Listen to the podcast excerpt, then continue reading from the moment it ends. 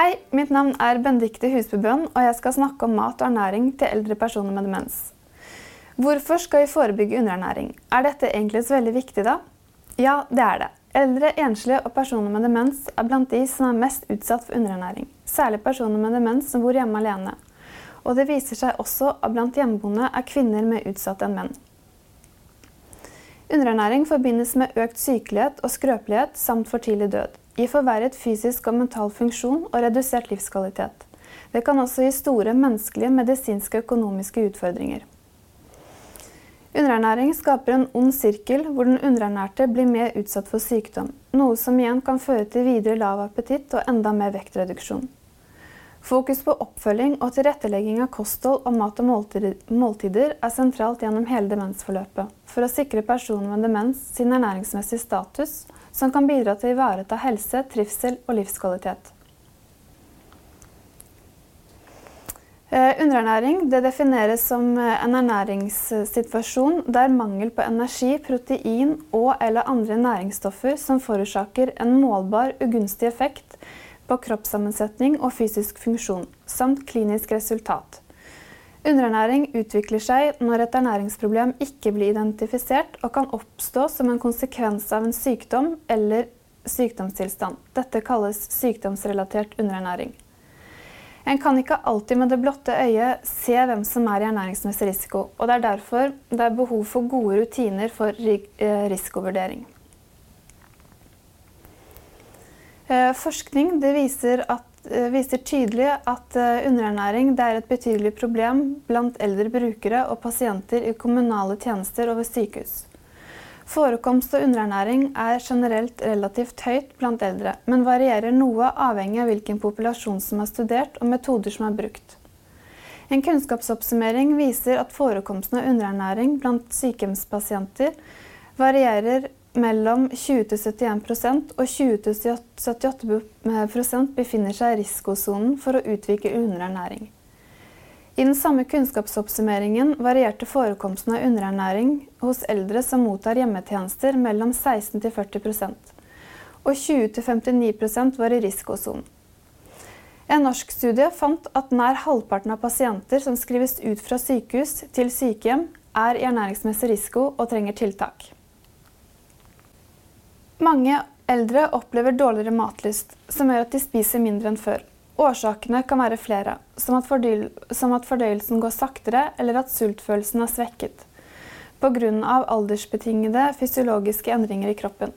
I tillegg til, eller kanskje pga. fysiologiske endringer, kan eldre få redusert evne til å kjøpe mat og å lage mat. Mange får også svekket smaks- og luktesans med alderen, noe som gjør at maten smaker mindre enn før. Redusert syn og hørsel kan også innvirke på personers evne til å ta til seg mat og drikke. Det er heller ikke uvanlig med redusert tørstefølelse og eller langsommere tarmfunksjon, og dermed ofte økt tendens til forstoppelse. Tannhelse vil også kunne ha betydning for ernæringsstatusen. Vi vet at personer med god tyggefunksjon og tannhelse som regel spiser bedre og mer enn de som har dårlig munnhelse. Det å mestre måltidssituasjonen kan også påvirke appetitt og måltidsglede. Ensomhet og sosial isolasjon er andre faktorer som kan føre til mindre matinntak. En annen årsak kan være endret livssituasjon, som f.eks. tap av livsledsager. Det kan gjøre at enkelte syns at måltidene får mindre betydning. Ved innleggelse i institusjon blir ofte matlysten ytterligere nedsatt. Det kan være mange årsaker til dette. Men det å flytte til nye omgivelser kan virke fremmed, både når det gjelder nye lukter, lyder, rytmer og rutiner samt at det kan være ny og ukjent mat som serveres. Personer med demens kan i tillegg til de generelle eh, ernæringsutfordringene som nevnt, også ha særlig ernæringsutfordringer knyttet til sykdommen. Vektnedgang kan faktisk være et av de første tegn på demenssykdom. Årsakene til sammenhengen mellom demens og vekttap er sammensatte. Ofte er det et samspill mellom psykososiale, biologiske og medisinske faktorer som gjør at personer med demens er særlig utsatt for ernæringsmessige utfordringer. Det kan være at personens kognitive svikt resulterer i at han eller hun ikke greier eller husker å spise, eller ikke klarer å gi tydelig uttrykk for sult og tørste.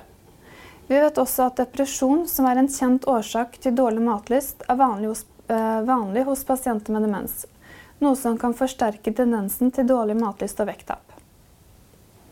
Andre utfordringer knyttet til måltidet det kan være vansker med å gjenkjenne hva som er mat og hva som ikke er det. Og personer med demens kan også ha nedsatt evne til å utføre praktiske handlinger til tross for full følelighet og forståelse. De kan derfor bli sittende og se på maten uten å være i stand til å begynne å spise.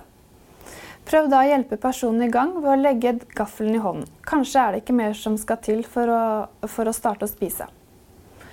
Som nevnt er god munn- og tannhelse viktig for ernæringsinntaket. Nedsatt funksjonsevne og redusert evne til egenomsorg, inkludert nedsatt evne til å opprettholde godt munn- og tannstell, er hovedårsakene til plager i munnhulen hos personer med demens.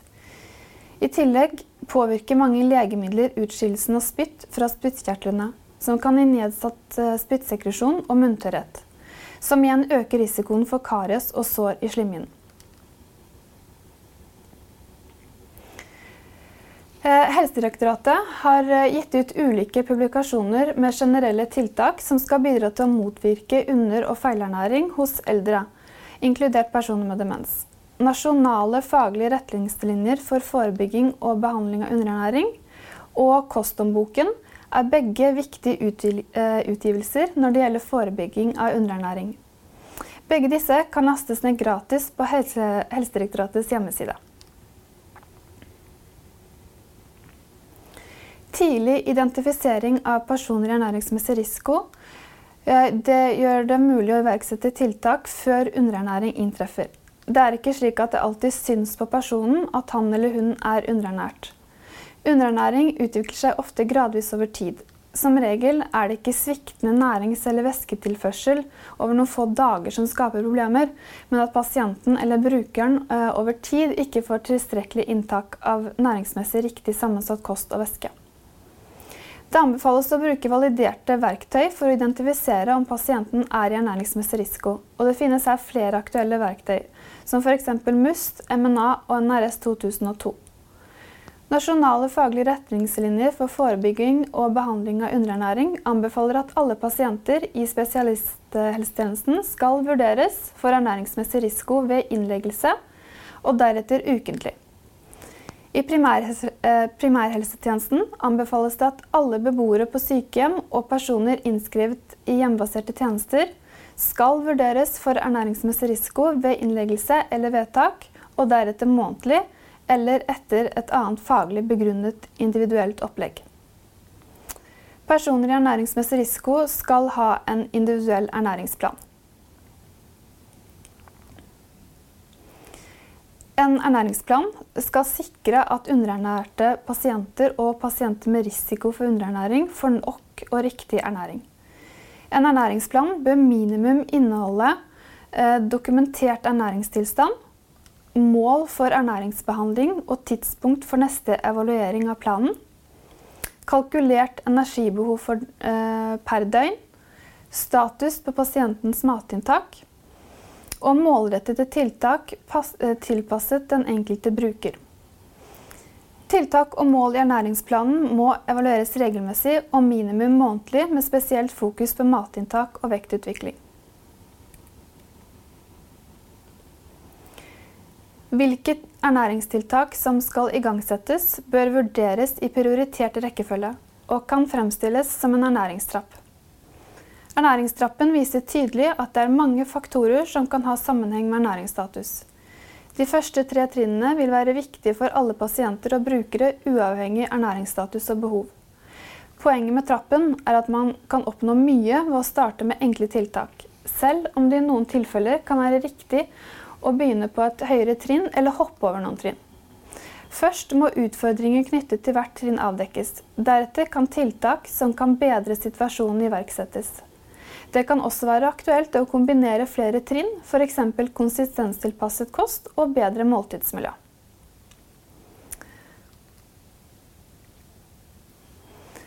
Mat og måltider har som regel stor betydning gjennom hele livsløpet. Både for å sikre god ernæringsstatus, men også for sosiale relasjoner. En god atmosfære ved måltidene kan bidra til at den eldre både spiser bedre og får dekt psykososiale behov som f.eks. identitet og tilhørighet. Det er ikke uvanlig å savne selskap når man spiser, og mange syns det er hyggelig når de kan dele et måltid. På sykehjem vil de ansatte spille en sentral rolle i å bidra til et godt måltidsmiljø, da eldre beboere på sykehjem ofte ikke er i stand til å skape dette selv. Det bør settes av nok tid til måltidet og ta individuelle hensyn for å unngå stress og uro. Ansatte må alltid vurdere hva som, til, øh, hva som til enhver tid er riktig øh, tilnærmingsmåte for å ivareta den enkeltes mestringsevne ved måltidene. Mat appellerer til mange sanser. Den dufter, den smaker, den kan være pen å se på. Estetikk er derfor en viktig faktor når mat skal presenteres. Synet av et pent dekket bord med blomster, lys og servietter skaper stemning og forventning. Spiserommets utforming, tilpassede spisehjelpemidler, belysning, temperatur, lukt, hygiene og det å presentere kjent mat påvirker også i stor grad matlysten. For personer med demens betyr faste rutiner og forutsigbarhet mye for å oppnå roen og tryggheten som skal til for å delta sosialt og mestre aktiviteter. Å bruke kjente ritualer knyttet til måltidene, som å si 'velkommen til bords', 'vær så god forsyn dere' eller 'takk for maten', Gi kjente rammer for når måltidet starter og slutter. Pga. pasientens reduserte oppmerksomhetsevne bør man ta bort unødvendige gjenstander som befinner seg på spisebordet. Det er fordi at for mange ting kan bidra til eh, forvirring, og at pasienten da får nedsatt oppmerksomhet mot selve maten. I tillegg til å fjerne unødvendige gjenstander viser forskning at bruk av kontrastfarger i måltidssammenheng kan resultere i økt matinntak. Kontrastfarger gjør det enklere for personer med, de, med demenssykdom uh, å oppfatte og forstå det en sanser. Ris, poteter, pasta og brød syns f.eks. dårlig på en hvit tallerken. Unngå også pådekning som skaper uro, som blomstrete duk og servietter kombinert med mønstret dekketøy. Det er videre viktig når man dekker bordet at man bruker servis og bestikk med utgangspunkt i pasientens tidligere vaner. Begrunnelsen for dette er at personer med demens har redusert læringsevne, og det kan derfor være vanskelig å skulle innta måltider på en ny måte. Felles for alle mennesker er at de har hver sin mathistorie og sine preferanser, og ulike ønsker for måltidene. Våre matvaner er formet bl.a. av hvor man har sine røtter, religion og leveforhold. Man må tilpasse mattilbudet etter pasientens behov og ønsker gjøre seg kjent med matvaner og påse at pasienten får, mer, i får medvirke til endringer av mattilbudet og ernæringstiltak. Noen eldre ønsker helst tradisjonsrik mat, mens andre igjen er interessert i å prøve ny mat. Noen religioner har matregler som kan være ukjente for oss. Det tar tid å bli kjent, også på matområdet. Det enkleste kan ofte være å spørre pasienten eller brukeren selv, eller eventuelt pårørende, om det er noe spesielt man må ta hensyn til. For å møte ulike behov er det viktig at menyer og mattilbud i institusjoner er fleksible, og at man med enkle grep kan gjøre individuelle tilpasninger. Som f.eks. valgmuligheter når det kommer til pålegg, pålegg eller ulikt tilbehør til middagen. Noen ønsker smeltet smør over potetene, andre saus. Å tilrettelegge kostens innhold av fett og proteiner samt for spesialkost ved behov, vil si å sørge for riktig type mat til rett person. Eksempler på spesialkost kan være mat med tilpasset konsistens, laktoseredusert kost, glutenfri kost og kosthold ved ulike sykdommer eller tilstander. Uavhengig av produksjons- og serveringsformer er det nødvendig å sikre kontinuerlig oppfølging av hva pasientene til enhver tid trenger og ønsker av mat. Dette gjelder også vurdering av egnet porsjonsstørrelse og konsistens, fordi dette ofte kan endre seg i løpet av demensforløpet. Det fjerde trinnet i ernæringstrappen er beriking og mellommåltider. Beriking av mat det er å øke energi og eventuelt proteinmengden i mat uten å øke porsjonsstørrelsen. Dette er et viktig prinsipp fordi mange som har et lavt matinntak, har vansker med å spise større porsjoner. Derfor gjelder det å berike alle måltidene ved å bruke energitette matvarer. Energitette matvarer, dvs. Si matvarer som inneholder mye energi eller kalorier per gram. Til og med drikken kan berikes. Man kan f.eks. energiberike kaffen med fløte og en sukkerbit. Proteiner er det viktigste eh, byggesteinet i muskulaturen vår. Eldre trenger mer protein enn yngre for å opprettholde muskelmasse og styrke. Det er derfor viktig å dekke dagsbehovet for proteiner hver dag, noe som enklest lar seg gjøre ved å ha en proteinkilde i hvert måltid. Matvarer med mye fett er typiske energitette matvarer, som f.eks. margarin, majones, nøtter, planteolje og fete meieriprodukter som smør, helmelk, seterømme, crème fraîche, fløte og ost. Søte varianter som tørket frukt, syltetøy og honning eller sukker egner seg også godt til energiberiking. Som et eksempel kan vi ta yoghurt, som er et friskt og syrlig alternativ som egner seg godt både som dessert og som mellommåltid. Ved å røre ut en spiseskje rapsolje, som er en helt smaksnøytral olje, øker vi energimengden med ca. 100 kalorier. Og det uten at det forringer smaken. Prøv gjerne selv. Som et alternativ til olje kan også 1-2 spiseskje fløte f.eks. røres inn i yoghurten. Det fins flere andre gode eksempler på hvordan man kan energiberike mat i kosthåndboken. Det å kunne spise selv har stor betydning for opplevelse av mestring, og det kan være appetittvekkende. Mange personer med demens er avhengig av tilrettelegging og hjelp for å klare å gjennomføre måltid på en god måte. Når vi sitter ved matbordet, har vi god anledning til å få inntrykk av hvordan man kan styrke pasientens selvhjulpenhet, slik at funksjon kan bevares.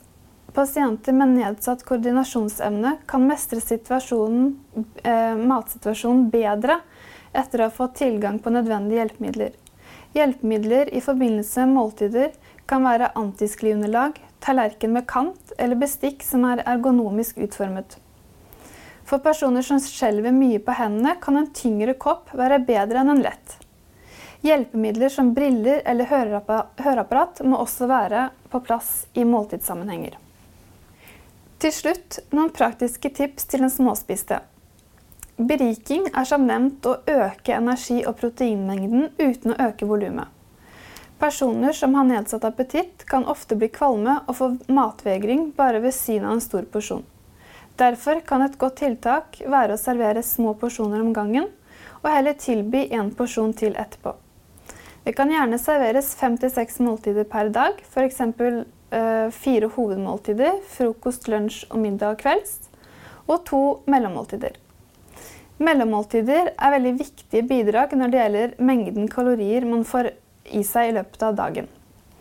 Mellommåltider er som navnet tilsier små måltider som tilfører kroppen ekstra næring mellom hovedmåltidene. Det anbefales at nattefasten, altså tiden mellom siste kveldsmåltid og måltid neste morgen, ikke bør være mer enn 11 timer. Velg riktig konsistens på maten. Det kan oppleves lettere å spise mat med mykere konsistens, f.eks. grateng, grøt eller potetstappe. Bruk godt med saus, smeltet smør eller eventuelt dressing til middag. Ved dysfagi og svelgeproblemer, velg gjerne konsistenstilpasset mat som eh, findelt, most, gelé eller tyktflytende kost. Ferdigfremstilte næringsdrikker eller eventuelt berikede drikker bør tilbys der matinntaket er svært lavt. Næringsdrikker egner seg godt som mellommåltid eller som drikke til mat. Et tips når det gjelder servering av smoothier eller andre drikker, er å servere det i stettglass og kanskje pynte med en appelsinskive eller lignende for å trigge appetitten. For som nevnt så spiser man med alle, alle sansene, også sine. Man kan også bruke drikke som mellommåltid i form av f.eks. smoothie, surmelk, drikkeyoghurt eller kakao med krem. Husk også på desserten. En dessert gir ofte et skikkelig påfyll med ekstra energi. Det er også nesten alltid plass til en dessert selv om man egentlig er mett. Så helt avslutningsvis så vil jeg gjerne tipse om en dokumentar som heter 'Måltidets muligheter'. Her får vi være med bak dørene på et helt vanlig norsk sykehjem. Eh, på sykehjemmet blir smaksløkene til beboerne vekket til live igjen, og de viser at man med enkle midler og en dose inspirasjon kan gi gode matopplevelser som ikke trenger å koste mer eller ta mer tid. Gå inn på vimeo.com skriv inn måltidets muligheter i søkefeltet, eller bruk linken nedenfor.